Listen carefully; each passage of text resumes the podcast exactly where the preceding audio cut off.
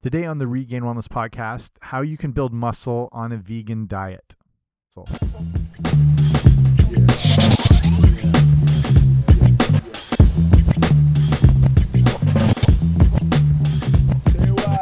Hey guys, what's happening? Welcome back to the Regained Wellness podcast. I'm Jamie. I run regainedwellness.com. Thanks for coming on out today.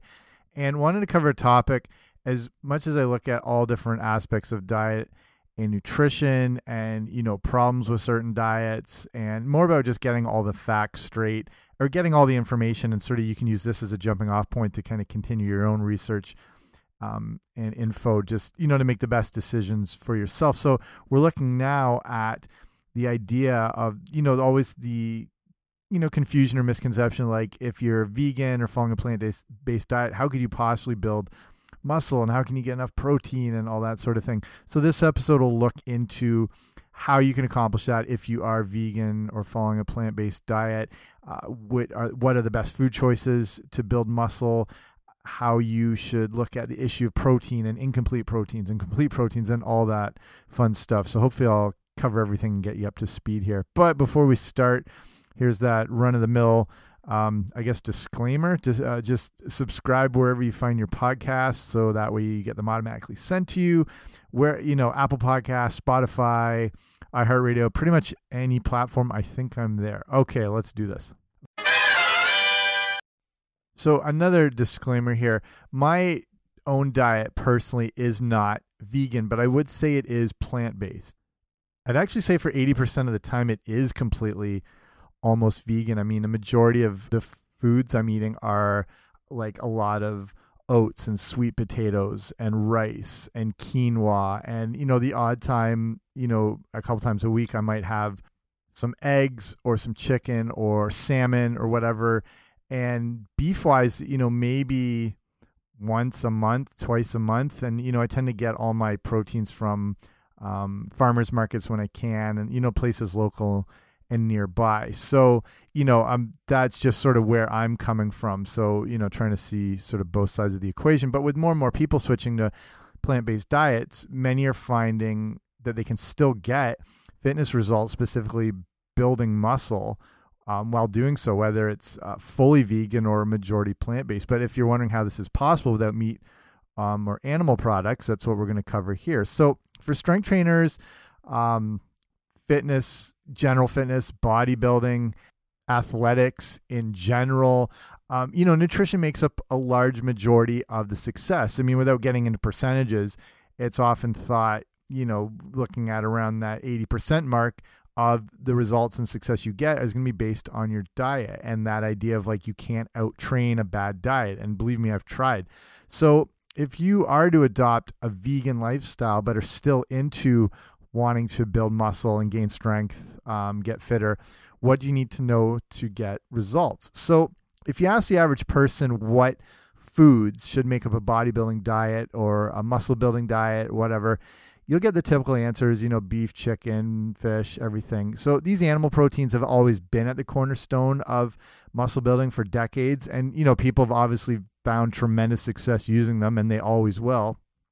The problem today is the lack of quality that exists in animal products. Again, like unless you're getting your protein, your animal protein from um, local farms or farmers markets or nearby, you can't be sure of the quality in what you're consuming. And then that's one of the big reasons to switch to a plant-based or vegan diet is primarily for the health-related concerns. Uh, you know, the rise of factory farming has created animals that could be considered, you know, Frankenstein creations. They're animals that do not get, get to live a natural lifestyle. They're pumped full of hormones and antibiotics and artificial feeds, and they're sick, you know, and just those hormones are used to fatten these animals up to get them more, uh, get them to a profitable selling weight and quicker. And again, I mentioned they're fed on natural diets, and that causes massive inflammation in the animal. When you so, but you combine all this with a complete lack of activity, and you get a sick animal. And if you're consuming that sick animal, you can't expect to be as healthy as possible. So when, you know, I won't go too much into all the, you know, some benefits associated with um, plant-based diets, but you know, it's seen to help to combat certain cancers, type 2 diabetes, hypertension, maybe obesity, uh, stuff like that. And obviously, a big reason people are going to switch to a plant based diet is, you know, climate change issues and environmental damage. And that's uh, a primary reason for it. So many are adopting this because of the damage that comes from that factory farming we just mentioned. So beef is the big culprit here is the you know just the production requires a huge amount of resources that play a role in you know greenhouse gas emissions and the massive amount of land food energy water required to raise say just beef cattle uh, is very detrimental to the environment and there's also the excrement issue so according to the epa factory farms are producing 500 million tons of manure each year so there are no animal sewage systems, and this runoff ends up uh, potentially in rivers and lakes. And then the methane gas released from the cattle also seem to have a disastrous effect on increasing those greenhouse gas emissions. Um, so, I mean, if you are eating animal protein just from an environmental aspect and a health aspect, it's better to get those from, you know, true grass fed and grass finished animals that are able to be as organic and natural as possible compared to this factory farming sort of Frankenstein meat that exists out there. So if you're into strength training, you're looking to put on muscle or just wanting to get, you know, fit and healthy, how can you follow a vegan or plant-based diet um, and make this sort of all work? How do you put it all together? And the first thing is of course looking at this whole protein issue and can you get enough and how do you make sure you're getting enough? And it's you know it's the number one question that always comes up. Since you're not eating very protein dense beef or chicken or, or whatever how do you get sufficient protein to build muscle? So when you train with weights you're creating little microscopic tears in the muscle tissue. And when these tears heal they get bigger and stronger each time and that's essentially what you're doing in the gym is you're breaking down the, the muscle tissue. You're not gaining muscle in the gym. You're setting the stage for recovery, which leads to muscle growth. So when you consistently are doing this, that's how you gain larger muscle and stronger muscle. And we repair these microscopic tears through combination nutrition, protein, water, rest. They all go together. It's not just one thing.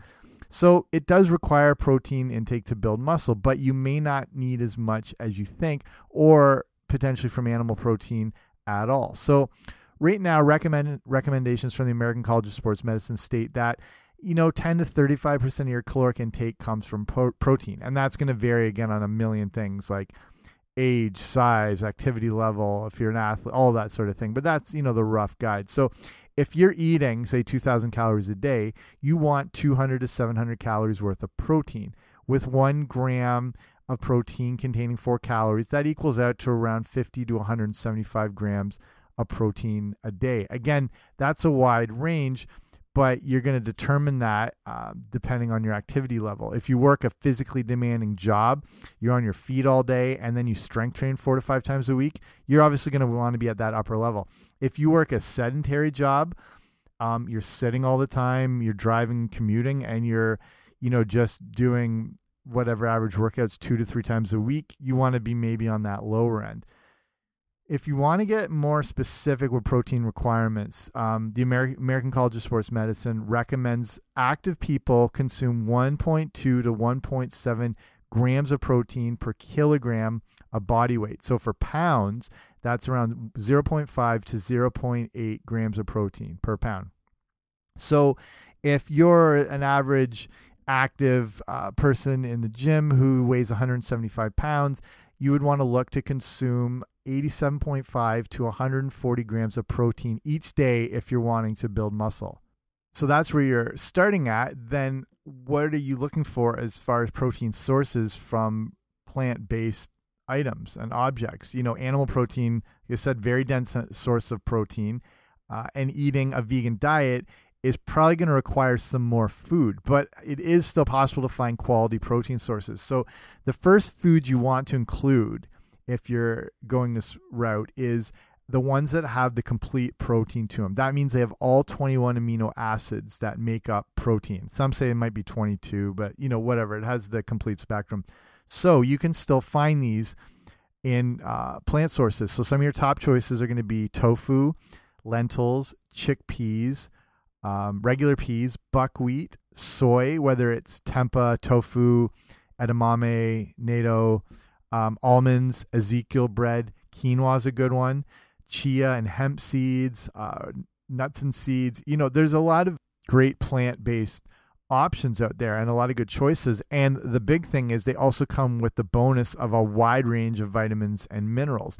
They are also the ones I just listed off, very good fiber choices, and often will have fewer calories than um, certain animal proteins. So this is the whole look at that incomplete versus complete protein thing. And there are some incomplete protein sources, meaning they just don't have all those 21 amino acids that are plant based.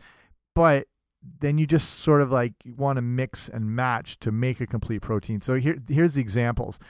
Like rice is an incomplete protein. It doesn't have that full spectrum. But if you mix it with beans, now you can get a complete source of protein. Uh, quality breads, like, you know, if you can get really clean made breads like rye or Ezekiel, they're incomplete proteins. But if you combine with, say, like natural peanut butter or almond butter or something like that, that completes it. You know, grains, cereals, oats are incomplete, but if you combine them with like dried peas or dried lentils, again, nuts, seeds, that becomes a complete protein. Corn is an incomplete one, but you know, if you mix it with, you know, peas such as like split pea soup or with cornbread or something like that, that works. A whole wheat pita, you know, incomplete, but with hummus added becomes a complete protein. So that works out well too. So it's just about having those good go tos on hand that are in that complete range so you know you're covered uh, and then you know having other standards sort of on standby i guess so that you can put them together to complete uh, create complete protein. So now you might be thinking what about protein shakes? Because whey protein shakes are a huge part of the fitness industry and you know but they're derived from dairy. Are they necessary? Not exactly but they're convenient and they're helpful and they are whey protein. If you're getting good clean whey protein or like a whey protein isolate they this type of protein has a huge what they call biological value uh, meaning it's uh, very readily absorbed and your muscles are able to uptake it uh, so more goes to the muscle and stuff like that. So you know where say like a piece of usually the standard for uh, what they call biological value is the egg white, which is a, a score of 100. That means that's the, sort of the gold standard of how well it is and how well it's absorbed and utilized by the body. So, say something like though, um, like beef or whatever might be uh, have a biological value of like 70 to 80, so not as good. But like a whey protein is a 104, I think. Like that's how clean and well utilized it is. But that doesn't have to be the only source, and there are still some good, uh, you know, plant based protein. And the advantage with protein shakes is that you don't have to spend the time digesting and breaking it down. It's quicker absorbed, so it, it can get to the muscles faster. And like when after you're done a workout, your muscles are like a sponge; they're ready to absorb all those nutrients, specifically or especially protein. So the problem over the years is there's been plant based uh, or vegan whatever proteins, but they're absolute garbage. You know, they they're more like drinking wallpaper paste. But things have evolved quite well, and much higher quality versions exist with uh, various varieties of of the source of protein within that protein powder. So, uh, like, I'm not connected to any of these, but just the best ones that I see on the market, uh, protein companies that make vegan protein powders. Optimum Nutrition uh, is one called Tone It Up. Garden of Life is really good uh, Nuzest, and one called Yuve, Y U V E. So these plant based proteins come from a variety of sources. Usually you're going to find soy, hemp protein, pea protein is very big now, rice protein as well, even like peanut protein.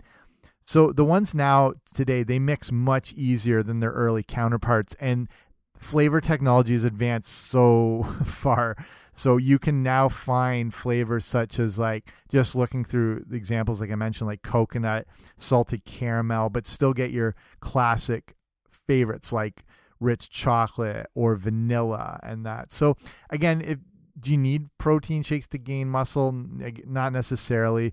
Even with a vegan um, muscle building diet or whatever you're wanting to, to call it or follow, you, you still want to get your protein from whole food sources when possible. And then protein shakes exist as that quick convenience, you know, when getting in adequate protein is maybe a little more difficult or you're, you know, you're going to be stuck for a while without eating and then you can have it on hand just to get that nutrition. And again, it's beneficial in the sense that it's absorbed quick and muscle repair can happen faster. But the main thing is to make sure you're still getting in some form of nutrition at least an hour, hour to two after your workout.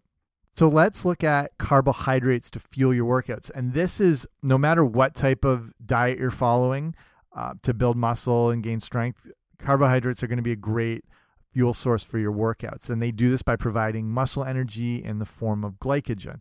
They also help provide adequate calories to help facilitate, you know, strength and muscle gain. So if your muscles aren't fueled, they won't be able to do the work that helps to stimulate the muscle growth. There are a few ways to calculate the number of carbohydrates you would want to be aiming for on like a muscle building vegan diet. One thing is taking 40% of your calorie intake uh, of the day for your carbohydrate needs. So again, your body is not a calculator; it's a biological organism. But this is just to give you like a rough starting point. So say we're just using that 2,000 calorie a day diet as an example. Based on that, around 800 calories should come from carbs. So carbs also have four calories per gram, like protein. So that's around 200 grams of carbohydrates a day. You can also aim for 0.75 grams of carbohydrate per pound of body weight and again, this is, you know, everybody's different. That's I know it's such an overused thing, but it is so true, and it's where experimenting and tracking are going to be important because some people do really well on higher carb diets and some struggle. So you probably, you know, if you're aware of fitness and health since you're listening to the show, you probably have a little idea where you stand with some of these things and you know how you tend to respond. Um, so you might be planning to start working out more and getting fitter and whatever. So you'll have to kind of adjust things as you go and see how you're responding. If your energy's down, you're having trouble getting through your workouts, you might need to bump up the carbohydrates. And then, you know, keeping an eye on, say, body fat levels, or if you're someone that stores carbs and body fat easy, you might have to limit it, them to around your workouts, you know, before and after, and then taper them off through the day.